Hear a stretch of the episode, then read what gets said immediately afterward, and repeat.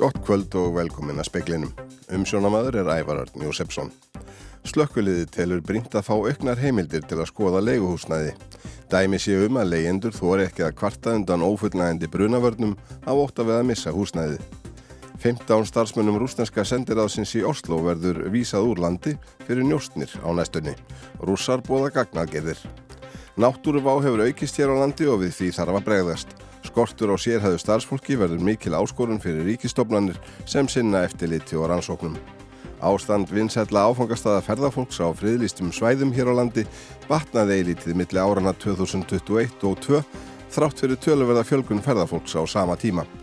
Talið er að norður kóruðumenn hefði þróa nýja gerð langdragra eldflöga sem erfitt kann að reynast að skjóta niður með gagflögum. Einni slíkri var skotið í áttað Japan í dag. Slökkuliði telur brínt að fá auknar heimildir til að skoða íbúðarhúsnæði í útlegu. Tveir starfshópar innviðaráðunetisins hafa unnið að útfærslu á tillögum um úrbætur í þessum efnum síðan í april 2022. Birgir Finnsson var að slökkulistjóri höfuborgarsvæðisins segir að um leið og fólk breyti íbúðarhúsnæði og gerir nokkur herbergi til útlegu úr hefðbundinni íbúð geti flóttaleiðir, brunahólf og fleiri atriði breyst. Þannig að húsnæði verður ekki örugt fyrir alla sem þar búa. Vegna ástandsins á húsnæðismarkaði í dag þóri verst stöttu leyendurnir ekki endilega að leita aðstúðar. Vegna þess að það er bara svo hrætt við þá að missa húsnæðið. Ef slökkvilið fær ábendingu um ófullnægjandi brunavarnir í íbúðarhúsnæði hefur það litlar heimildir til að aðhafast. Við getum auðvitað bankað upp á og beðið um að fá að skoða en það er í raun og verið eitthvað sem við horfum ekkit á sem möguleika vegna þess að þá sitjum við svolítið uppi með að við höfum vittneskjumennan hlut, það er líka bara gagvart okkar starfsfólki að þá þurfum við að hafa einhverjar heimildir þannig við getum fyllt þessu eftir. Breyttar reglur myndu innihalda leiðbenningar um hvernig slökkvilið gæti skoðað íbúðarhúsnæði og þá hvaða íbúðarhúsnæði. Ef þú átt bíl þá þarfst að fara með hann í skoðun og ef þú færði ekki skoðun á bílinn þá mátt ekki keira hann. En á sama tíma breytur húsnæði heima hjá þér og leigir það út og það er enginn sem tekur það út. Birgir segir að slökkvilið hafi nýlega sannreint hvort undværi að skoða íbúðarhúsnæði með dómsúrskurði en slíkt ákvæði er í núverandi lögum og úrskur dómarans er að, að það gangi ekki upp, að laugin sé ekki nægilega skýr. Sankvæmt upplýsingum frá innviðaráðuneytinu eru drög annars starfshópsins væntanleg í samráðskátt innan skams. Gunnhildur Kjærúr Birgisdóttir tók saman og rætti við Birgi Finnsson. Valgerður Rúnastóttir, fórstjóri Vox og framkvæmtastjóri lækninga hjá S.A.A. segir að á hverjum degi innritist tveir einstaklingar til meðferðar vegna ópíóða fíknar. Fólki er nú yngra þegar að leitra aðstúar og nýtt í neyslu vímuöfna. Íslensku læknir hefur verið sviftur réttindum til að ávísa ópíóíða livjum eftir að hann var uppvísa því að ávísa morfíni og oxykódíni í kílóavís til eins sjúklings. Magni var slíkt að landlæknir taldið að geta vera sjúklingnum lífshættulegt í ofskamti. Valgerður, fórstjóri Vox og framkvæmdastjóri lækninga, segir ópíóða faraldur geisa. Fólk sem ánýttist líkum lífum sé yngra nú en áður hafið þekst. Já, við sjáum það trend í þessu að þetta er orðið yngri einstaklingar heldur um voru fyrst. Við sáum svona kúf um aldamótin. Þá voru það jafnvel, e, svolítið eldra fólk, þá var fólk sem voru lengi amfetaminnisli og spröyta amfetamin í æð, fóru svo að nota ópíóiða sem svona í kjölfarið. Það var eldra fólk en núna er jafnvel fólk sem er bara nýtt í neyslu og ungt fólk með 20, 30, 40 ára sem eru bara að nota þetta vímuefni sem bara fyrsta efni. Það er breyting. Já, þessi ráðlæði dagskamtur uh, sem læknir skrifið upp á 10 til alltaf 20 töflur á dag, er það fáhirt?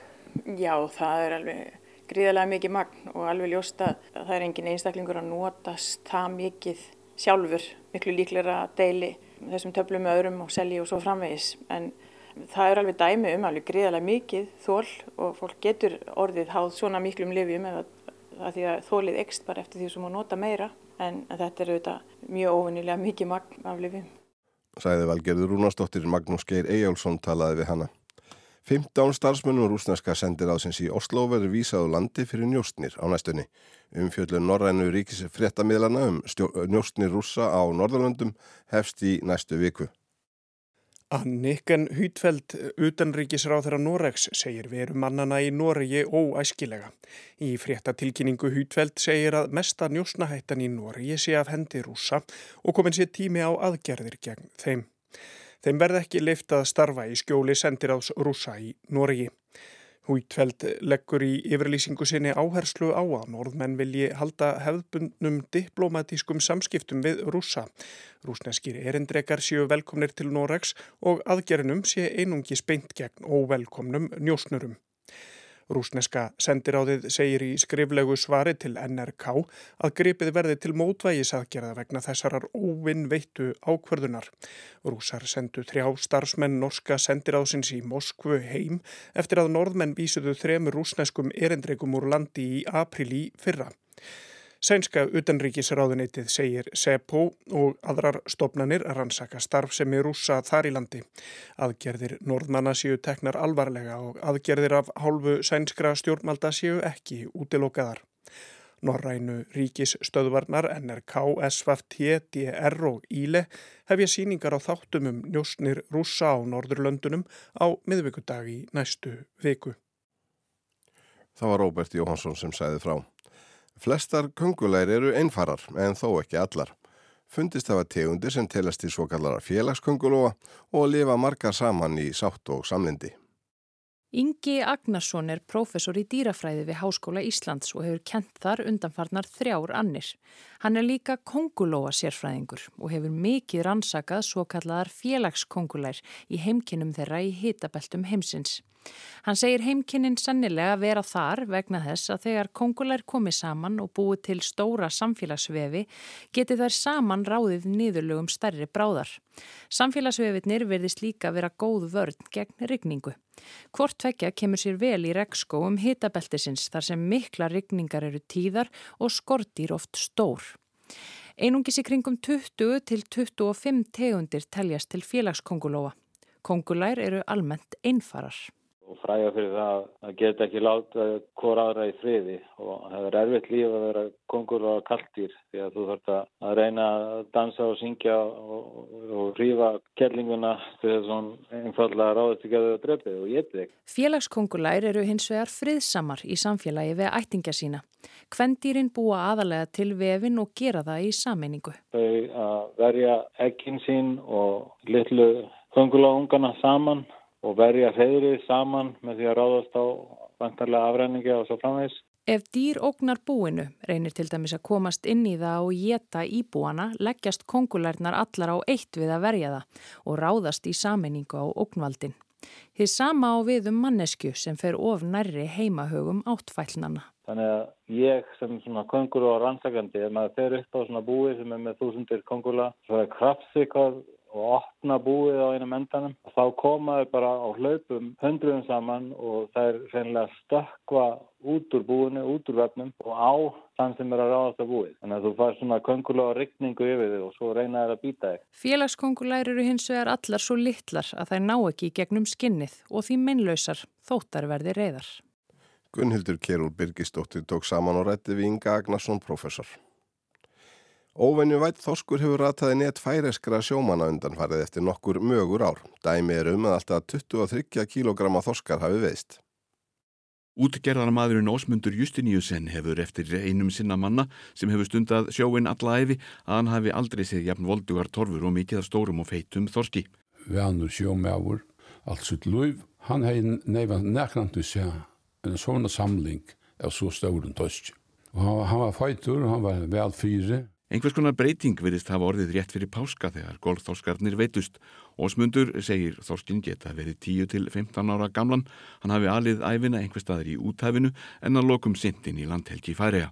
Hafið umhverfis eigarnar hefur kólnaðu nokkuð síðast liðin ár úr meðalhitta kringum 10 gráður niður í 6-7 sem Ósmundur segir kjör aðstæður fyrir Þorsk. Klíindin hafi mátt kenna La Ninja í Kirahafi en kólununa veðurfarslegum náfrænda hennar El Niño.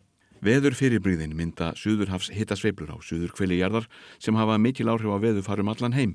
Þegar El Niño stendur yfir, hittnar yfirborð sjávarum eina til þrjár gráður á svæði sem getur orðið helmikið stærra en bandaríkin. Ósmundur hveðst taka þorstgengdinni fagnandi en segir útilokað að spá fyrir um hver lengi megi njóta hennar. Markus Þórhaldsson saði frá. Í liðinni viku byrti umhverjastofnum skýrslu um mat sérfræðinga sinna á ástandi 146 áfangastaða ferðafólks innan friðlýstra svæða, þar á meðal í vatnajöglus þjóðgarði og þjóðgarðin máþingvöllum. Skýrslan er aðgengileg á vef umhverjastofnunar. Í henni er lagt mat á þrjá megin þætti á hverjum stað, skipulag, innviði og verðmæti.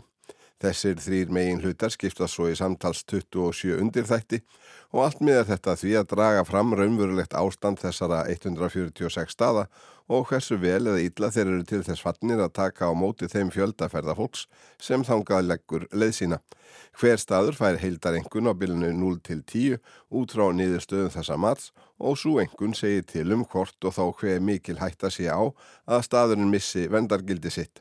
Kristín Ósk Jónasdóttir fer fyrir teimi náttúruvendar hjá umhverjastofnun.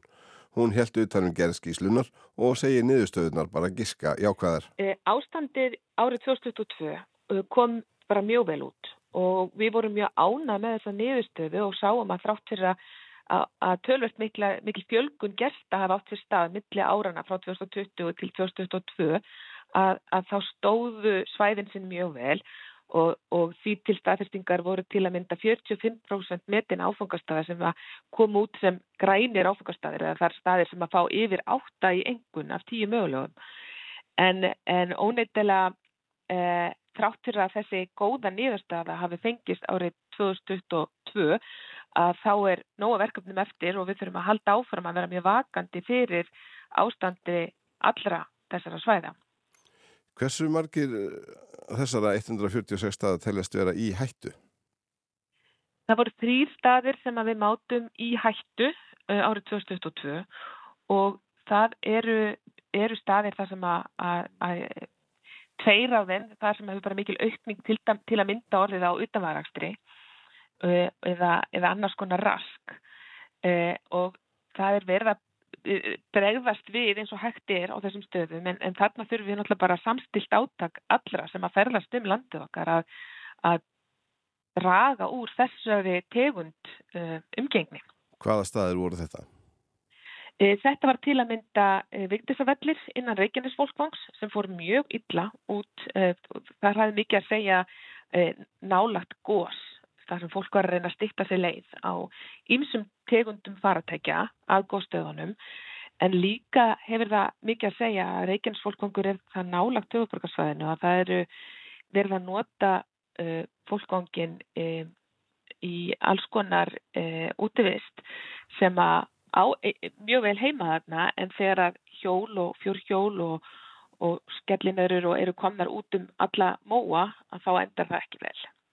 Eh, aðrir vegi, önnur svæði sem kom ítla út voru til að mynda innan vatnægursjókars var það námivegur en það er þetta vegur sem að liggur af eh, hellum sem er verið að skoða, díshellum og innan frílsa fjallabæki er einn áfangastæður söðurnám þar sem að göngustígur hefur farið mjög illa og, og, en þar er verið að að vinna að lagfæringu þannig að það er að reyna að bregðast við á öllum þessum svæðum. Í leiðbeiningum um mat á ástandi áfangastada ferðarfólks á friðlistum svæðum segir að það séu fyrst og fremst þessir þrýr megin þættir sem horfa beri til skipulagsvæðana, innviðir og verðmætti. Þeir tveir fyrstu eigi það til að bregðast með þeim afleðingum að sá þriðji, verðmættið, spillist. Gestasokn verði oft stjórn og skipulagslaus, ekki sé brúðist við fjölgun gesta og framtíðarsín ekki til staðar. Skortur og innviðum að borði aðkvegi, bílastæði, salerni, göngustíga, upplýsingar og leiðbenningar valdi auknu raski á náttúru og umhverfi og hraðri hnignun svæðana. Allt þetta grafi undan verðmæti þeirra sem getur falist í einhverju eða jafnvel öllu eftir töldu, formi landslags, gróðri, jarðminjum, dýralífi og menningaminjum. Mikil röskun skerðir gildi og aðdráttur upp svæðana og afar kostnæðarsamt og jafnvel ómögulegt getur reynst að koma þeim aftur í samt lag. En hversu þungt vegur hver þáttur um sig í heldarmatinu, skipulegið, innviðirnir og verðmættið? Við tökum sko harðar á ef að vendagildir einhvern veginn farin að lækka. Það er svona svo einhvern sem við höfum mestar ágjur af. Og ónefnilega er það þannig að, að, að til þess að geta farið í innviðu uppbyggingu þá þarf skipulegið að vera til staðar. Þannig að þetta helst svolítið allt í hendur. En það sem við höfum verið að kalla eftir að, og höfum verið að gera undarfæri náður með miklum árangri og góðum árangri er þessi aukna innviða uppbygging og þetta aukna skipla og það er þá stýring gersta um svæðin og þar koma landverðir mjög stertinn í að halda utanum þessa þætti. Af þeim 146 áfangastöðum sem metnin voru fengu aðeins þrýr lægri heildarengun en 5 og teljast því rauðir og í hættu. Þeim fækkaði um einn á milli ára. Staðir sem fá heildarengun á bilinu 5-6 flokkast sem appelsinugulir og teljast í nokkuri hættu. Þeim fækkaði um 2 á milli ára og eru nú 14. Í skýslinu kemur fram að grænum áfangastöðum, stöðum með heildarengun upp á 8 og þar yfir, fjölgaði mikið árið 2020.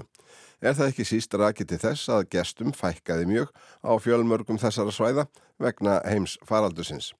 Góðu fréttina nú eru þær að langt flest þessara svæða heldu stöðu sinni þrátt fyrir mikla fjölkun ferðarfólks milli ára.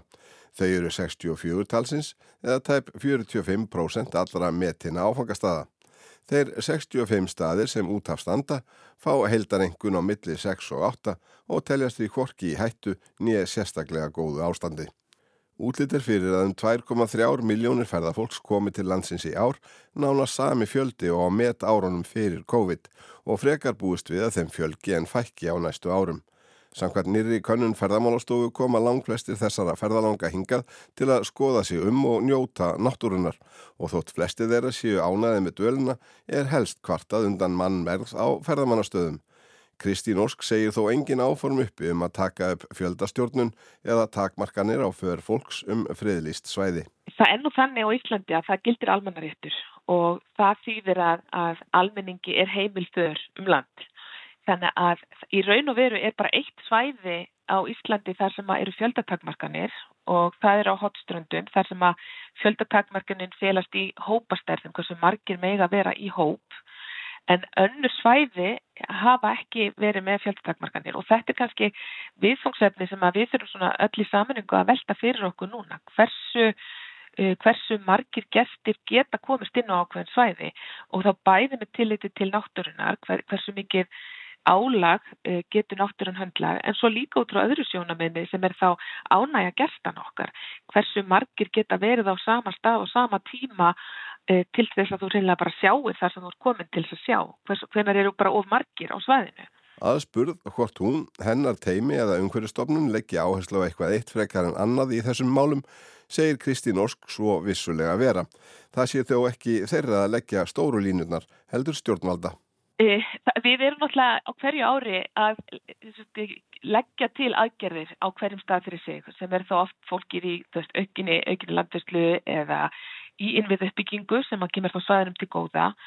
Þannig að við erum sífælt á hverju einast ári að, að hérna, fylgja eftir en, en svona heldarlínan verður svolítið að veist, við, við erum ákveðna skoðanir sem að, að við höfum kannski bara hjá okkur þar til að, að heldar stefnumótun e, líkur fyrir sagði Kristín Ósk Jónasdóttir.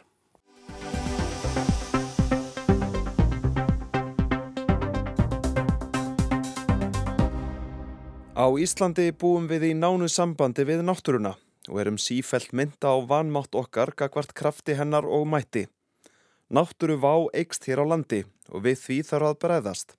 Skortur á sérhæðu starfsfólki verður mikil áskorun fyrir ríkistofnanir sem sinna eftirliti og rannsóknum.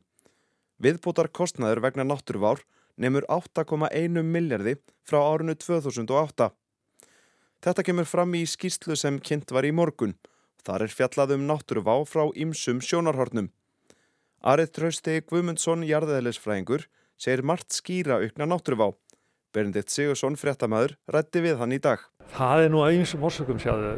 Eitt getur við nefnt og það, er, eru loftlarsbeitingarnar eðlilega það, þær hafa áhrif á sjáarstöðuna á veðurlag eða veðurfar, á jöklana, uh, á hvernig uh, úlkomuminstrið er og svo framverður framverð. Þannig að það er eitt.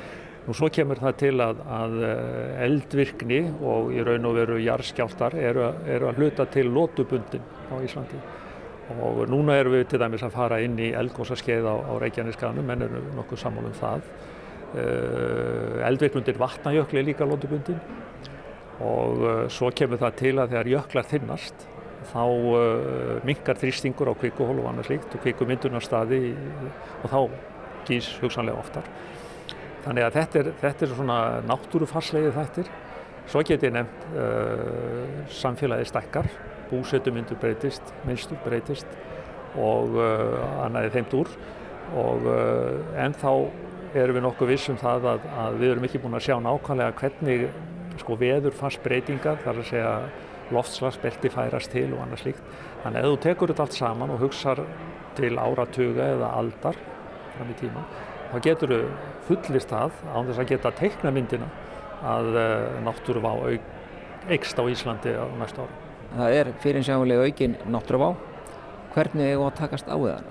Það er stór og mikil spurning og uh, við veitum að, að sko, það þarf að auka uh, samvinnuna á milli stofnana, einhverju tilíti verða það saminnaðar, það þarf að auka samvinnuna á milli ráðunauta, uh, það þarf að leggja þessa heldarstefnu, þetta heldrænu grunnstefnu sem er erfist á milli við orðum það þannig. Uh, alla ríkistundu þurfa að taka þetta inn í uh, sína, sína stjórnarsamlinga það þarf að eh, virkja eh, fjármagnið miklu betur. Það er að segja við þurfum bæðið að hugsa til ríkisins sem slíka en líka til fyrirtækja, til sveitafélagana sjálfa vegna þess að þetta verða dýrar aðgerðir einhverju leiti og það þarf að sífælt að fjármagna rannsóknir og svo framvegð. Það þarf líka að breyta skipulagi þannig að það verði jáfnvel einhvers konar náttúruvá ráð, líkt og þjóðarauríkisráð sem að er fulltrúi fyrir þessar breytingar og síðan þarf að yfirfara lögin náttúrulega, hugsanlega að breyta þeim.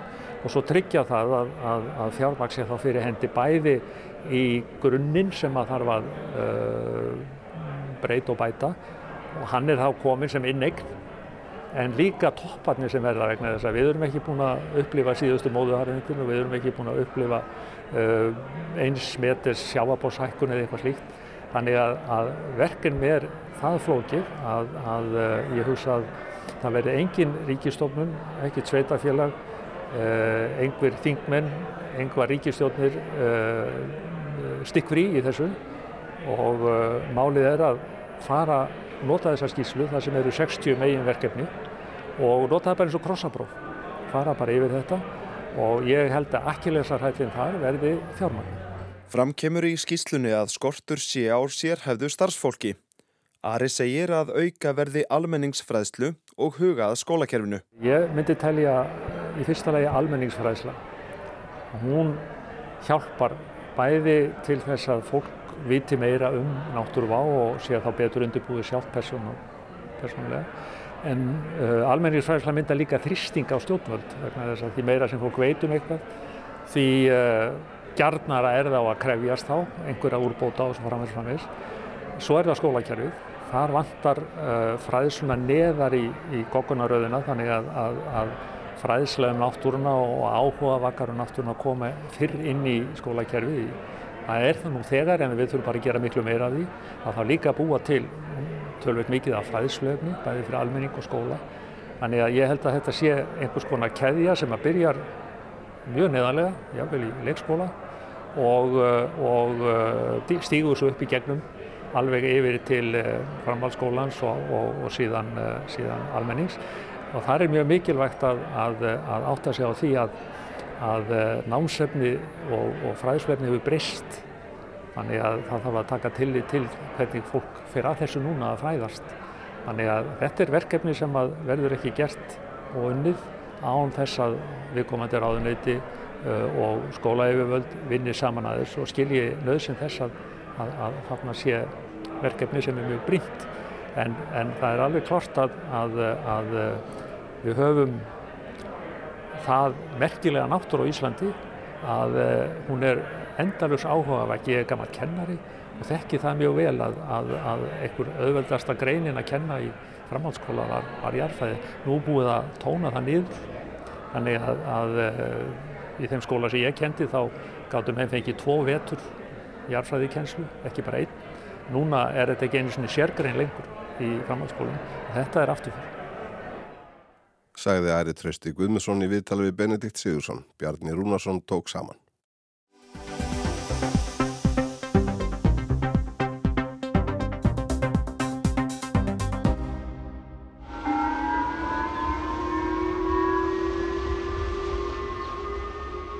Íbúum í Sapporo og fleiri borgum á Hokkaido eigu í Japan brá mörgum hverjum í brún þegar loftvarnaflautur voru þeittar lust fyrir klukkan hálf åtta í morgun að staðartíma. Þegar flauturnar þögnuðu heyrðist rött sem skipaði fólki að leita skjóls.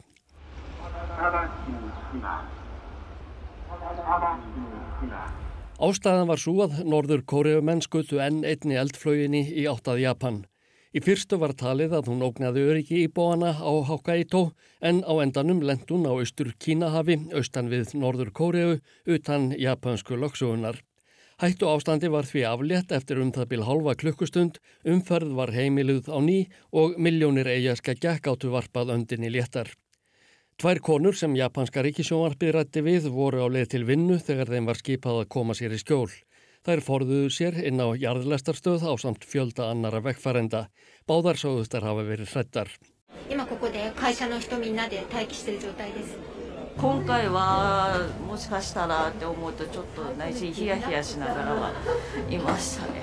Sérfræðingar í kjarnokku vapna tilraunum norður kóruumanna talja líklegt að þeir hafi verið að prófa langdræga eldflög sem hugsanlega er hægt að skjóta heimsálfa á milli.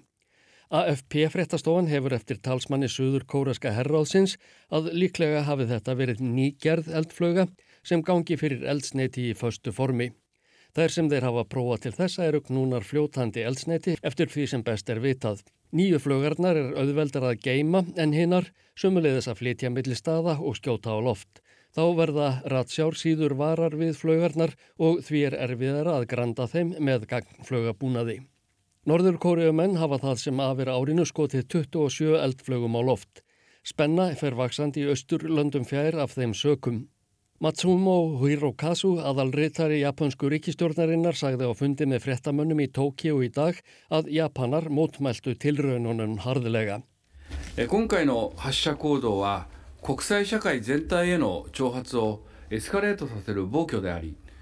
Framferði Norður Kóriðumanna þar á meðal marg endurteknar tilraunir með eldflögar, ógnafriði og öryggi í Japan, heimslutanum og heiminum öllum. Það er með öllu ólíðandi, saði Matsumo Hirokazu. Þeir brjóta gegn álíktunum öryggisráðs saminuðu þjóðana og stefna lífi japansku þjóðarinnar í hættu. Stjórnvöld hafa komið skilabóðum til ráðamanna í Pyongyang gegnum sendiráðið í Peking þar sem þessari hegðun er harðlega mótmælt. Meðal þeirra sem þurftu að flýja í skjóli morgun voru um það byrj 2 miljónir í búa hér að höfuðborgarinnar Sapporo. Þar koma umhverfis og loftslags ráþeirar sjö helstu innríkja heims, G7 ríkjana svo nefndu, saman til fundar um næstu helgi. Mánuði síðar stendur leðtóafundur G7 ríkjana fyrir dýrum í Hiroshima. Bandaríkjamenn eru meðal þjóða sem hafa fordæmt eldflöga tilraunina í morgun. Kynverjar segja aftur á móti að framferði norður kóriumanna sé bandaríkjónum að kenna.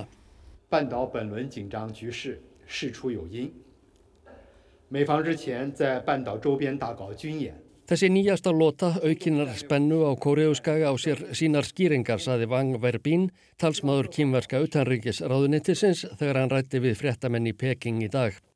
Öllum er ljóst að herafingar suður kóriumanna og bandaríkjamanna fyrir nokkrum dögum hafa miklar neikvæðar afleðingar þar sem bandaríkinn prófa meðal annars öll sín nýjustu og fullkomnustu vopn.